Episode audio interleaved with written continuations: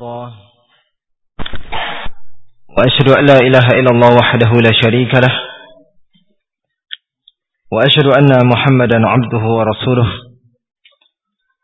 صلى الله عليه وعلى آله وصحبه وسلم تسليما مزيدا أما بعد.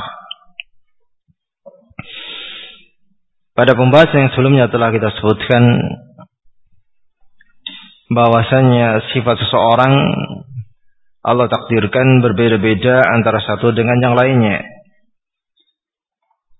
Dan Nabi alaihi salatu wasallam menyebutkan bahwasanya jiwa seorang hamba memiliki kecenderungan untuk berteman dengan seseorang yang sesifat setabiat dengan dirinya. Nabi alaihi salatu wasallam menyebutkan dalam hadis yang telah kemarin telah uh, telah kita sebutkan الأرواح جنود مجندة فما تعارف منها ائتلف وما تناكر منها اختلف Demikian pula seperti ungkapan yang sering dinukilkan oleh mereka para ulama At-tuyuru ala ashkaliha taqa' Inna tuyura ala ashkaliha taqa' Sesungguhnya burung-burung tersebut akan hinggap dan berkumpul dengan burung-burung yang sejenis dengannya. Burung yang kecil tentulah akan berkumpul dengan burung-burung yang kecil yang sama dengannya. Burung yang besar juga demikian. Menjelaskan kepada kita bahwasanya sifat seseorang memiliki kecenderungan kecocokan dengan orang-orang yang sama dengan dirinya.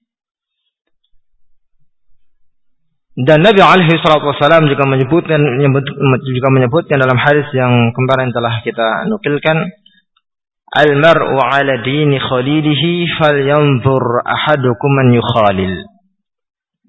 Sesungguhnya seseorang tersebut berada di atas agama temannya. Maka hendaklah salah seorang di antara kalian memperhatikan dengan siapa dia melakukan pertemanan. Di dalam hadis ini menjelaskan kepada kita ternyata faedah atau dampak dari seorang melakukan pertemanan menyebutkan kepada kita bahwasanya sesuatu yang dimiliki oleh teman akrab kita tersebut akan berpindah ruh kepada seseorang yang berteman dengannya.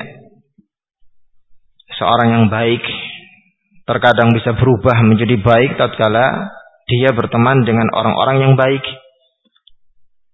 Begitu pula sebaliknya seorang yang buruk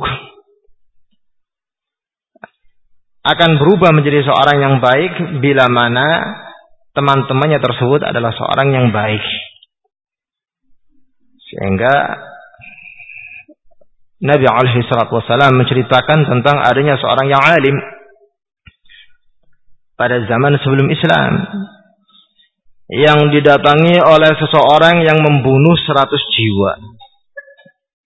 Kemudian mengatakan kepada seorang yang alim tersebut tentang perihal perbuatannya dan mempertanyakan apakah di sana ada pintu tobat untuknya. Maka sang alim tersebut membenarkan bahwasanya Allah Subhanahu wa taala akan mengampuni dosanya. Kemudian sang alim ini memerintahkan agar orang tersebut berhijrah. Dari kampungnya yang di kampung tersebut atau masyarakatnya menyebabkan dia berlumuran dengan dosa yang dia keluhkan. Untuk berhijrah berpindah ke kampung yang baik penduduknya. Untuk kemudian nantinya dia beribadah kepada masyarakat yang ada di kampung tersebut. Untuk kemudian bisa merubah tabiat demikian pula sifat seseorang adalah dengan dirinya melakukan pertemanan dengan seorang yang saleh.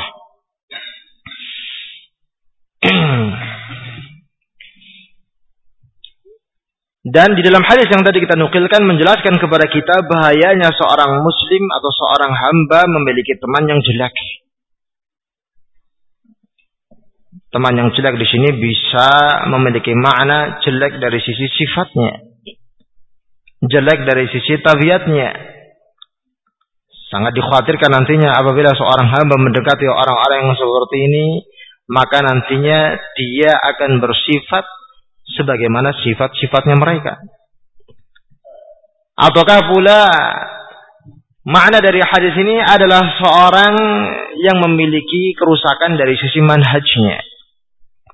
Memiliki penyimpangan, memiliki syubhat dari sisi pemikirannya, penyimpangan dari sisi manhajnya atau keakidahnya. Kemudian bila mana seorang berteman dengan orang-orang yang seperti ini, maka dikhawatirkan nantinya temannya tersebut akan menyampaikan kepada dirinya syubhat sehingga dia memiliki penyimpangan sebagaimana dirinya.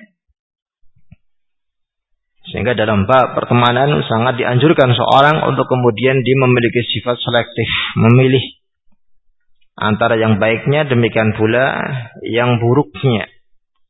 Karena sangat berdampak di samping dari sisi sifat, demikian pula dari sisi ad-din, agama yang dimiliki oleh dirinya. Oleh karena inilah ma'asyiral ikhwah rahimani wa rahmakumullah kita sering mendengar mungkin kita dahulu memiliki teman yang baik, teman yang akrab. Mungkin dahulu adalah satu pondok pesantren ataukah mungkin dahulu adalah kenalan semasa sekolah. Kemudian sama-sama kenal dakwah, sama-sama ta'lim dan yang semisalnya. Namun setelah berpisah sekian lama, sekian waktu dengan teman yang kita sayangi tersebut, tatkala kita berjumpa dan kita melihat ternyata keadaannya sangat berbeda jauh dengan apa yang kita perhatikan pada masa yang sebelumnya. Sebelumnya kita merasa kagum dengan perihal sifatnya. Sebelumnya kita merasa bahagia tatkala berteman dengan dirinya dan bahkan kita berupaya untuk kemudian mencontoh sifat-sifatnya. Namun lambat bertambah uh, uh, lambat laun demikian pula tahun berganti tahun karena teman kita tersebut tidak selektif dari sisi memilih pertemanannya. Dia akhirnya berteman dengan ahli ma'asi. Dia akhirnya berteman pula dengan ahli dunia. Sehingga falhasil akhirnya dia tinggalkan agamanya bertahap dan bertahap. Sehingga awal mula, awal dahulu, dia melihat bahwasanya saudaranya tersebut benar-benar seorang yang kokoh di dalam menjalankan sunnah Nabi alaihi salatu wassalam. Pada akhir hayatnya, pada akhir waktunya dia melihat temannya tersebut berkubang di dalam bisnis-bisnis dunia. Demikian pula dari sisi penampilannya sangat jauh dari bimbingan Nabi alaihi salatu wassalam. Sebab yang terbesar adalah karena salahnya dirinya di dalam memilih pertemanan. Sebab yang ter, ter, terbesar adalah tatkala dirinya berteman dengan orang-orang yang jauh dari nilai ketaatan dan ketakwaan kepada Allah Subhanahu wa taala. Ini ma'asyiral ikhwah rahimani wa rahimakumullah taala. Dalam riwayat Al-Imam Muslim sering kita dengarkan tentang sebab musabab kenapa Abu Talib meninggal di atas kesyirikan. Kenapa Abu Talib tatkala didatangi oleh Nabi alaihi salatu wasallam mengajak dirinya untuk memeluk agama Islam. Mau mengucapkan kalimat la ilaha illallah. Ternyata enggan dan tidak mengindahkan ucapan Nabi alaihi salatu wasallam. Ternyata sebab yang terbesar menyebabkan dia kufur dan meninggal di atas kekufuran adalah karena teman dekatnya yaitu uh, Abu Jahal dan Abdullah bin Abi Umayyah itu berada di sampingnya. Tatkala Nabi alaihi salatu wasalam mengatakan kepada pamannya, "Ya ammi, ucapkanlah kalimat la ilaha illallah." Satu kalimat yang aku akan membela dirimu di hadapan Allah. Namun kedua temannya tersebut, Abu Jahal dan Abdullah, Abdullah bin Abi Umayyah mengatakan kepada Abu Talib, "Atarghabu an millati Abdul Muttalib?" Apakah engkau ini membenci agamanya Abdul Muttalib? Nabi kembali mengulangi dakwahnya. Kedua temannya Abu Abu Talib juga kembali mengucapkan bujuk rayuan mereka tersebut. Sampai akhirnya Abu Talib mengatakan, "Ana ala millati Abdul Muttalib." Aku lebih memilih untuk beragama dengan agamanya Abdul Muttalib. Ini bahaya seseorang memiliki teman yang buruk. Tatkala dirinya salah, bahkan dimotivasi.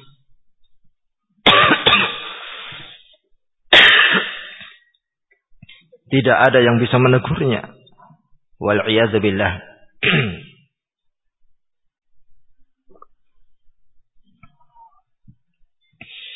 Kita bacakan syair yang berikutnya. Wali ba'dihim dan sebagian mereka mengucapkan Anil mar'i la tas'al was'al an qarinihi fa kullun qarinin bil maqarin yaqtadi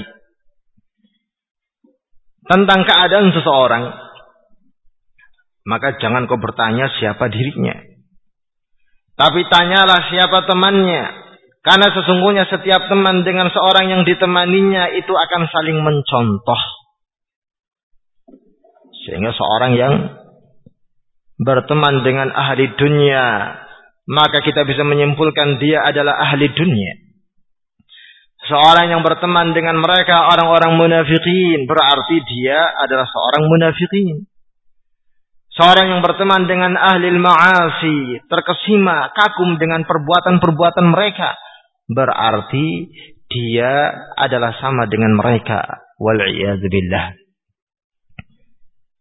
Ini ma'syarul rahimani wa rahimakumullah taala sehingga mereka para ulama salafun salih dahulu menghukumi seorang apakah memiliki faham qadariyah ataukah memiliki faham murji, murjiah ataukah jahmiyah ataukah khawarij adalah dengan melihat siapa temannya kalau temannya dari seorang khawarij, maka dia adalah khawarij.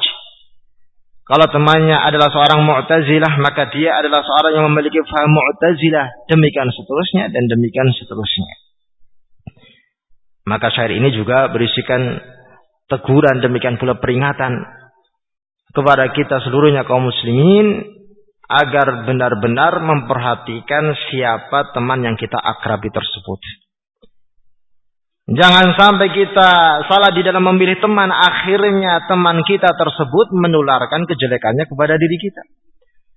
Jangan sampai karena kita tidak selektif di dalam memilih mereka, akhirnya kita bersifat sebagaimana apa yang mereka sifati tersebut.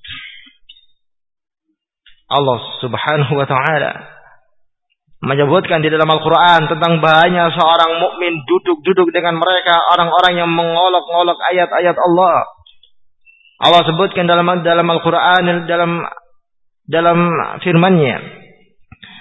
Wa idza ra'aita alladhina yakhuduna fi ayatina fa'rid 'anhum hatta yakhudu fi haditsin ghairi. Apabila engkau melihat mereka orang-orang yang membicarakan ayat-ayat kami kata Allah, mengolok-olok mengolok-olok ayat-ayat Allah, maka Allah sebutkan fala taq'ud jangan kalian duduk bersama mereka hatta yakhudu fi haditsin ghairi sampai mereka merubah ucapan mereka selain dari apa yang mereka ucapkan sebelumnya. Dalam surah Al-An'am Allah sebutkan fala taq'ud ba'da dzikra ma'al qaumil zalimin. Ini berisikan uh, peringatan. Larangan dari sisi Allah. Allah firmankan, janganlah kalian mau duduk setelah kalian mengingat bahwasanya kalian duduk bersama mereka orang-orang yang sedang mengolok-olok ayat-ayat Allah. Jangan kalian duduk setelah kalian mengingat bersama mereka orang-orang yang zalim. Sehingga terkadang seorang itu lupa, terkadang seorang itu larut, Terkadang seorang gak sadar bahwasanya isi pembicaraan mereka adalah mengolok-olok ayat-ayat Allah. Ataukah sedang membicarakan, menggunjing, demikian pula mempermainkan salah satu dari syiar, syiar Allah subhanahu wa ta'ala. Ini Allah ingatkan. Bila mana ternyata kita sadar isi pembicaraan tersebut adalah telah menyimpang. Maka kita diperintahkan untuk kemudian tidak duduk bersama mereka. Karena mereka adalah orang-orang yang zalim. Dalam ayat yang lainnya Allah sebutkan innakum idza misluhum. Kalau misal kalian tidak berpindah, tidak beranjak dari tempat duduk tersebut, maka sesungguhnya kalian sama dengan mereka. Tanpa ada pengingkaran, tanpa ada teguran, tanpa ada upaya untuk kemudian mengingkari kemungkaran, membiarkan perbuatan-perbuatan tersebut. Allah hukumi seorang yang demikian sama dengan teman-teman yang berada di dekatnya. Ini masyarakat ikhwah. Rahimani wa rahimakumullah ta'ala. Wa min kalami Ali bin Abi Talib karramallahu wajhah wa radiya anhu. Dan termasuk dari ucapannya Ali bin Abi Talib, semoga Allah memuliakan wajahnya dan Allah telah meridhoinya. Pada kalimat uh, karramallahu wajhah ini uh, memiliki sedikit pembahasan dari kalangan di kalangan para al ulama yang secara kesimpulan mereka sangat tidak menganjurkan apabila seorang mengkhususkan Ali bin Abi Thalib radhiyallahu taala anhu dengan doa tersebut. Itu dengan doa karramallahu wajhah.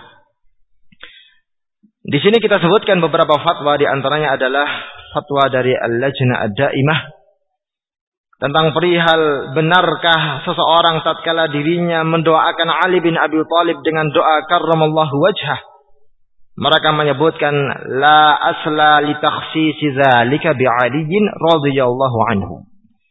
Tidak ada dasarnya bila mana ucapan ini dikhususkan terhadap Khalifah Ali bin Abi Thalib radhiyallahu anhu. Wa inna ma huwa min ghuluwi al-mutasyayyi'ati bihi.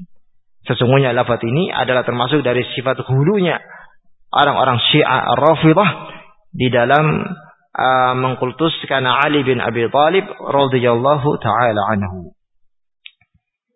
Sehingga lebih utama untuk kemudian seorang meninggalkannya.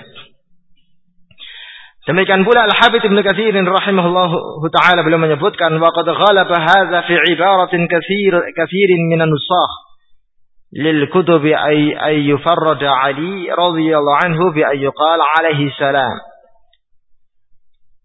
Ungkapan yang seperti ini banyak kita jumpai dari penulis-penulis kitab-kitab yang ada. Mereka mengungkapkan dan mengkhususkan Ali bin Abi Thalib radhiyallahu anhu dengan doa alaihi salam tanpa mereka doai dengan doa tersebut keseluruhan para sahabat Nabi alaihi salatu wasallam yang lainnya.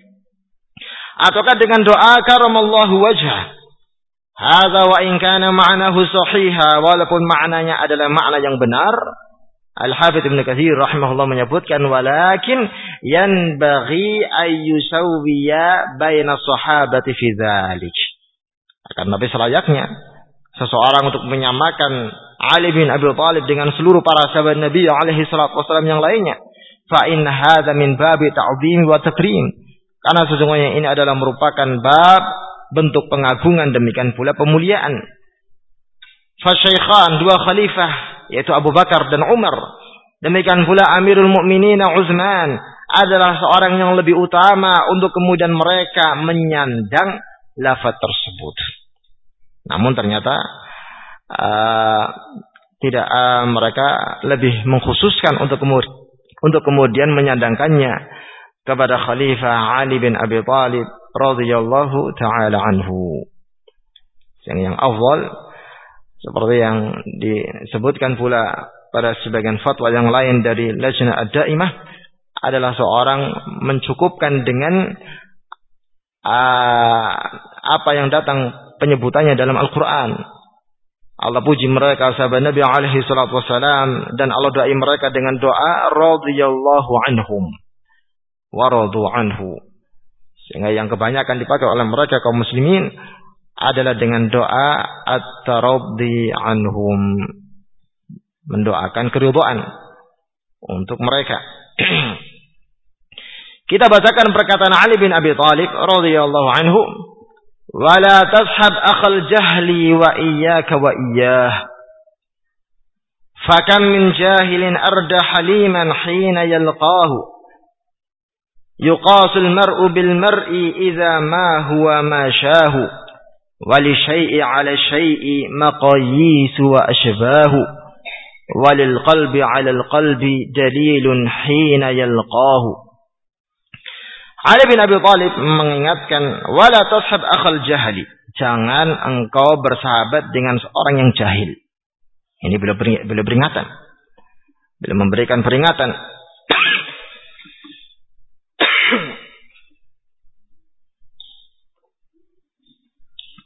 Agar seorang jangan sekali-kali bersahabat dengan seorang yang jahil. Yang tidak mengerti ilmu. Yang tidak paham tentang apa itu sunnah. Bahkan perbuatannya sendiri dia tidak paham apakah itu benar ataukah salah. Ini seorang yang jahil. Yang kebanyakannya mereka menyimpulkan sesuatu adalah sesuai dengan keinginan hawa nafsunya. Ini seorang yang jahil. Karena itulah sekian banyak nas dalam Al-Quran. Allah perintahkan agar seorang mukmin menjauh dari mereka orang-orang yang jahil. Di antaranya adalah firman-Nya fa'arid 'anil jahilin. Maka berpalinglah kalian dari mereka orang-orang yang jahil. Seorang yang jahil tidak bisa memilah dan membedakan antara yang baik demikian pula yang benar. Terkadang kita menyampaikan sesuatu yang baik ternyata disikapi lain oleh dirinya. Ini sesuatu yang mungkin. Apakah kebaikan tersebut adalah berhubungan dengan ad-din, berhubungan dengan agama, berhubungan dengan al-haq, antara perbedaan antara hak dengan kebatilan, sunnah dengan bid'ah.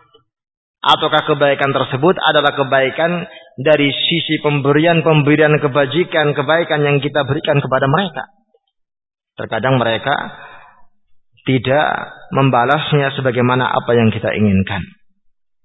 Wa iyyaka wa iyyah. Ali bin Abi Thalib kembali menegaskan dan mengingatkan hati-hatilah engkau, hati-hatilah engkau dari dirinya.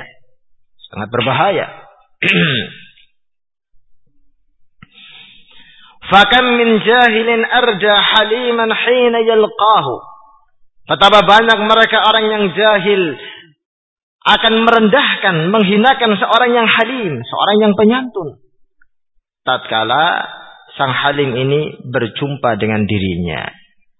Seorang yang baik direndahkan dengan oleh mereka orang yang jahil. Seorang yang hendak memberikan kebaikan kepada dirinya ternyata dipandang lain oleh mereka. Ini sangat memungkinkan. Tidak bisa memilah dan membedakan antara yang kebaikan dengan yang yang keburukan kecuali yang sesuai dengan hawa nafsunya. Wal billah. Yuqasul mar'u bil mar'i idza ma huwa ma syahu. Sesungguhnya akan dikiaskan, disamakan seseorang dengan seseorang yang lainnya. Apabila dia berjalan dengannya. Seorang yang kita melihat ada seorang dia dia berjalan di belakang seorang yang jahil. Maka kita katakan ya kemungkinannya orang yang di belakang tersebut sama dengan yang di depannya. Kalau semisal ada seorang berjalan dengan seorang yang baik, seorang yang saleh, seorang yang berilmu, maka kita katakan kemungkinannya dia sama dengan mereka. Ini ma'syarul ikhwa rahimani wa rahmakumullahu taala. Yuqasu mar'u bil mar'i idza ma huwa ma syahu. Wali syai' ala syai' maqayis wa ashbahu sesuatu dengan sesuatu yang lainnya ada kesamaan dan ada keserupaannya antara sesuatu dengan sesuatu yang lain memiliki keserupaan, memiliki kesamaan. Walil qalbi 'alal qalbi dalilun hina yalqahu. Hati yang satu dengan hati yang lainnya adalah sebagai petunjuk tatkala keduanya tersebut saling bertemu. Seorang yang baik tentulah akan sama hatinya dengan temannya yang baik yang dia jumpai tersebut. Seorang yang jelek akan tampak keburukannya. Kalaulah semisal ternyata kita melihat teman akrabnya adalah seorang yang buruk. Barangkali sebelumnya kita tidak menyadari teman yang kita kenal tersebut adalah seorang dari kalangan ahli ma'asi. Kita setelahnya menyadarinya bahwasanya dia adalah seorang yang fajir. Karena dia, ah, karena teman-teman akrabnya adalah dari kalangan orang-orang yang fajir. Wal'iyadzubillah. Sehingga syair tersebut kembali menegaskan tentang uh, poin yang sebelumnya telah kita sampaikan. Pentingnya seorang mukmin sekali lagi selektif di dalam memilih teman-teman yang akrab untuk dirinya. Dalam syair tersebut juga tergambarkan kepada kita ternyata perselisihan akibat kejahilan lebih parah dan lebih banyak tertimpa mereka orang-orang yang tidak berilmu dibandingkan seorang yang berilmu. Kita berteman dengan seorang yang berilmu, seorang yang mengenal sunnah, seorang yang sudah lama ta'lim. Terkadang ada kerenggangan, terkadang ada ada ada ketersinggungan. Ini perkara yang wajar. Karena manusia karena manusia tersebut adalah tempat al-khata'u wa nisyan. Terkadang lupa, terkadang dia salah, terkadang terbawa perasaan, terbawa emosi dan yang semisalnya.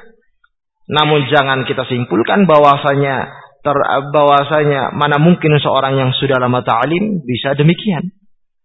Ini bisa terjadi. Ini ma'asyiral ikhwah rahimani wa rahimakumullahu taala. Seorang yang mengenal dakwah saja bisa demikian. Kita melihat sebagian mereka uh, memiliki sifat yang berbeda dengan sebagian yang lainnya. Apalagi seorang yang sama sekali tidak mengenal al-haq. Sama sekali seorang yang tidak mengenal dan mengerti apa itu al-akhlaqul karimah. Ini ma'asyarul ikhwa rahimani wa rahimakumullahu ta'ala. Semakin jauh seorang terjatuh ke dalam kemaksiatan sampai ke dalam tingkat kekafiran, maka semakin banyak perselisihan yang terjadi di antara mereka. Allah sebutkan dalam firman-Nya yaitu dalam uh, salah satu uh, ayatnya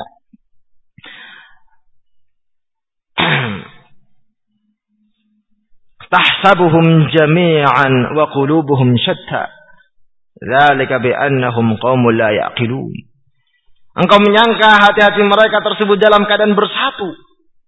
Engkau melihat mereka orang-orang kufar antara satu daerah dengan daerah yang lainnya saling tolong menolong. Engkau memandang bahwa hati mereka itu satu. Terjadi persatuan di antara mereka. Allah ingkari Allah ingkari hal tersebut dalam firman-Nya. Ah, Wa qulubuhum syatta. Padahal hakikatnya hati-hati mereka dalam keadaan tercerai-berai Antara mereka terjadi hasad antara sebagian yang lainnya. Antara mereka tidak memiliki akhlak yang baik dengan sebagian yang lainnya. Dan yang lainnya dan yang lainnya. Dzalika bi annahum qaumun la yaqilun. Yang demikian disebabkan karena mereka adalah orang-orang yang tidak berakal. Kemudian muallif al-Imam Abu Barakat Al-Ghizzi rahimahullahu taala mulai menyebutkan beberapa adab al-usrah. Dan ini inti dari pembahasan yang uh, beliau sebutkan dalam karyanya tersebut. Adabul usrah, adab adab pertemanan. Famin adabil usrah termasuk dari adabul usrah adalah husnul khuluq. Ini poin yang pertama. Termasuk dari adabul usra, adab seorang melakukan pertemanan dengan saudaranya adalah dia diharuskan memiliki akhlak yang baik dengan temannya. Sehingga yang dimulai adalah dari dirinya, bukan dari temannya. Yang dimulai adalah dari dirinya sendiri, bukan dari orang-orang yang berada di sekitarnya. Yang boleh merubah dari sisi tabiatnya, dari sisi ucapannya, dari sisi perangainya, dari sisi sifat-sifatnya sehingga dia dia berikan sebut akhlak akhlak yang mulia. Ini masyaallah rahimani wa rahimakumullah taala. Husnul khuluq ma'al ikhwani wal aqrani wal ashab iqtidaan bi Rasulillah sallallahu alaihi wasallam. Seorang dianjurkan untuk kemudian mereka memiliki akhlak yang baik. Tatkala bergaul dengan saudara-saudaranya. Tatkala bergaul dengan teman-temannya. Tatkala bergaul dengan sahabat-sahabatnya. Dalam rangka mencontoh Rasulullah Sallallahu Alaihi Wasallam. Karena Rasul alaihi wassalam Allah sebutkan dalam firman-Nya wa innaka la'ala khuluqin 'azim. Sungguh beliau alaihi salatu wassalam berada di atas akhlak yang demikian agungnya. Al-Imam Nawawi rahimahullahu taala dalam kitabnya Riyadhus Shalihin sebelum menukilkan beberapa hadis-hadis yang menjelaskan tentang fadilah husnul khuluq beliau menukilkan dan menyebutkan perkataan Abdullah ibn al-Mubarak rahimahullahu taala tentang apa itu pengertian husnul khuluq. Abdullah bin Mubarak rahimahullah taala mentafsirkan makna husnul khuluq dengan tiga perangai. Dengan tiga sifat. Yang pertama adalah talaqatul wajhi. Yang pertama adalah talaqatul wajhi. Seorang memiliki wajah yang ceria. Wajah yang gembira. Wajah yang berseri. Maksudnya adalah apa? Tatkala mereka menghadap teman mereka atau berjumpa dengan teman mereka maka mereka menampilkan wajah yang berseri, kegembiraan pada wajah mereka tatkala bertemu dengan teman-temannya tersebut.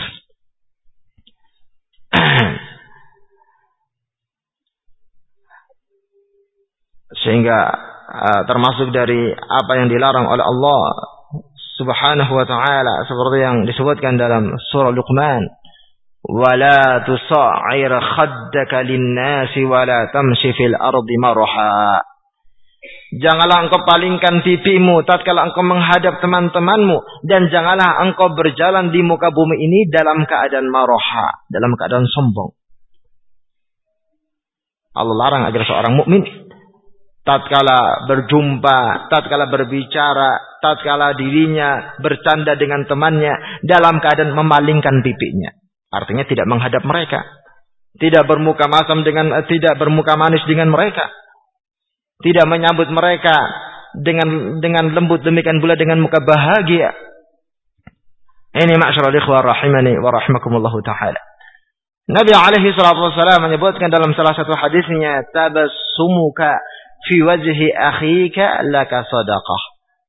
Sesungguhnya senyumnya seseorang pada wajah saudaranya tatkala dia berjumpa dengan mereka adalah sedekah di sisi Allah Subhanahu wa taala. Makna hadis ini ma'syaral ikhwah rahimani wa rahimakumullah idkhalus surur seorang memasukkan dan memberikan kegembiraan kepada saudaranya dengan sekecil apa pun adalah bernilai pahala dan sedekah di sisi Allah Subhanahu wa taala. Dan serendah-rendah kemampuan yang bisa diwujudkan oleh seorang mukmin untuk kemudian dia mengembirakan saudaranya, untuk kemudian dirinya memasukkan kegembiraan kepada saudaranya adalah adalah dengan semata-mata dia tersenyum tatkala berjumpa dengan saudaranya tersebut. Senyumnya seorang bernilai sodakah. Bila mana senyumnya seorang kepada saudaranya tatkala dirinya berjumpa bernilai sedekah di sisi Allah Subhanahu wa taala, maka tentulah yang di atasnya dan yang di atasnya jauh lebih besar pahalanya dan jauh pula lebih besar dari sisi keutamaannya. Mengucapkan salam, ya kan? Senyum saja sedekah, apalagi mengucapkan salam kepada mereka. Apalagi kalau semisal dibarengi dengan seorang bercanda atau seorang melakukan melakukan uh, percakapan yang ringan, sekedar apa namanya menghibur dirinya. Ini tentu jauh lebih besar pahalanya di sisi Allah Subhanahu wa taala. Kita sendiri saja bisa merasakan ya kan tatkala kita melihat saudara kita sudah dari jauh ternyata senyum. Kita nggak lihat ternyata menyapa kita dengan muka yang bersinar, dengan muka yang gembira. Maka kita cenderung untuk kemudian mendekat, kita cenderung untuk kemudian bahagia dan senang dengan sikapnya. Kita akan merasa sakit hati bila mana ternyata kita melihat saudara kita tatkala kita tatkala kita berhadapan dengan dirinya tidak ada senyum tergores di wajahnya yang adalah kecemburutan, yang ada adalah kemasaman. Waliyahzubillah. Kita bisa merasakan apa namanya uh, rasa sakit hati tatkala melihat teman kita yang seperti ini. Bila mana kita saja bisa merasakan dan bisa membedakan dari sisi dampak baik, demikian pula buruknya, maka tentulah sikap seorang mukmin sebagaimana yang dianjurkan oleh Nabi alaihi salatu wasallam memberikan sesuatu yang menggembirakan kepada saudaranya sebagaimana dia gembira tatkala sesuatu tersebut ada pada dirinya. La yu'minu ahadukum hatta yuhibba li akhihi ma yuhibbu li nafsi. Tidaklah beriman maknanya adalah tidaklah sempurna keimanan seseorang sampai dia mencintai saudaranya sebagaimana dia cinta kepada dirinya sendiri. Sehingga perkara-perkara apa saja yang dia bahagia bila mana sesuatu tersebut ada pada dirinya, apakah itu perangai, apakah itu sifat, apakah itu akhlak, apakah itu muamalah, maka tentulah dia berikan yang sepadan pula kepada saudaranya yang dia miliki. Jangan menjadi seorang yang keinginannya adalah bagaimana diupayakan temannya tersebut baik kepada dirinya, baik dari sisi sifatnya, baik dari sisi muamalahnya, baik dari sisi akhlaknya, sementara kita sendiri tidak memberikan yang sepadan dengan mereka. Ini ma'asyiral ikhwa rahimani wa taala. Sehingga Al-Imam Ibn Mubarak rahimahullah taala mendefinisikan husnul khuluq yang pertama adalah dengan talaqatul wajhi. Dengan seorang memiliki wajah yang ceria, yang bahagia, yang tersenyum, yang bersinar tatkala berjumpa dengan saudaranya. Yang kedua adalah bazlun nada Bazlun nada. Dia berikan pemberian yang dia mampu untuk kemudian dia berikan kepada saudaranya. Perkara apa saja yang kita mampu kita berikan kepada saudara kita, maka kita berikan. Apakah itu tenaga? Kalau misalnya kita melihat saudara kita adalah saudara yang lemah, maka kita bantu. Kalau kita melihat saudara kita ada kekurangannya, maka kita cukupi. Ini badlun nada kita berikan apa yang kita miliki berupa pemberian kepada saudara yang kita miliki tersebut. Ini masyaallah ikhwah rahimani wa rahmakumullah taala. Sebagaimana mereka orang-orang Ansar yang dipuji oleh Allah Subhanahu wa taala yang Allah uh, namai mereka dengan nama yang mulia yang terpuji ulaika humul muflihun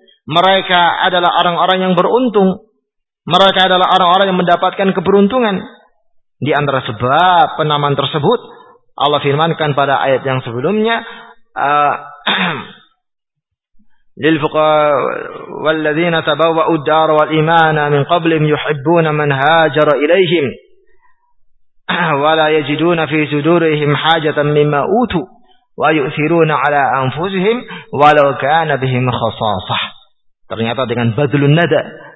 Sesuatu yang mereka berikan, yang mereka prioritaskan.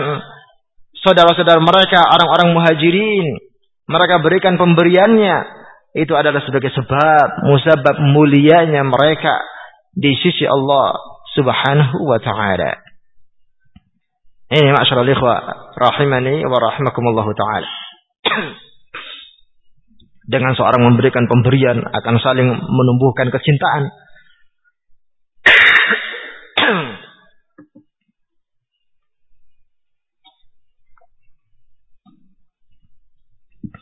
Karena itulah Nabi alaihi salatu wasallam menganjurkan agar seorang mukmin ini gemar memberikan hadiah kepada saudaranya.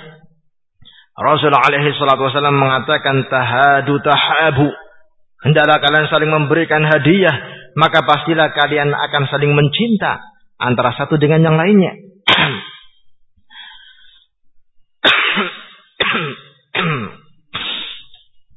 Ini sifat yang berikutnya. Pemberian di sini bisa bersifat materi atau bisa bersifat harta atau atau bisa bisa bersifat tenaga atau ilmu. kita ajari saudara kita, kita arahkan dirinya dan yang semisalnya. Kemudian yang ketiga, Al-Imam Ibn Mubarak rahimahullah ta'ala mentafsirkan dengan pentafsiran wakaful adha. Dan seorang menahan dirinya untuk menimpakan gangguan kepada saudaranya tersebut. Seorang menahan dirinya untuk menimpakan gangguan kepada saudara yang kita miliki. Sehingga dari sisi wajahnya tergambarkan ke, uh, tergambarkan kegembiraan. Ini seorang yang memiliki akhlak yang baik. Kepada kepada kepada saudaranya terpancar di wajah-wajah mereka sifat kegembiraan, kesukaan bersinar tak tatkala melihat saudaranya tersebut. Kemudian dia mem dia membantu saudaranya, dia memberikan pemberian semampu apa yang dia miliki. Kemudian yang berikutnya adalah dia tahan lisannya, dia tahan pula tangannya, dia tahan pula perbuatannya untuk kemudian menimpakan gangguan dan dan arin uh, celaan kepada saudara yang dia miliki tersebut. Ini husnul khuluq. Nabi alaihi salatu wasallam menyebutkan dalam salah satu hadisnya al-muslimuna man salimal muslimuna min lisanihi wa yadihi. Sesungguhnya seorang muslim tersebut adalah seorang yang muslimun lainnya terselamatkan dari kejelekan lisannya, demikian pula kejelekan tangannya. Sehingga di dalam beberapa hadisnya Nabi alaihi sangat menganjurkan agar seorang meninggalkan segala macam rintangan demikian pula gangguan kepada saudaranya. Di antaranya adalah sabda Nabi alaihi wasallam, "Wallahi la yu'min, wallahi la yu'min, wallahi la yu'min." Demi Allah tidaklah beriman, demi Allah tidaklah beriman, demi Allah seorang tidak akan beriman. Mereka para sahabat Nabi alaihi wasallam bertanya, "Man ya Rasulullah?" Siapakah orang tersebut ya Rasulullah? Rasul menyebutkan man la ya'manu jarahu bawaituhu. Seorang yang tetangga dekatnya tersebut tidak merasa aman dari kejelekan-kejelekan yang ada pada dirinya.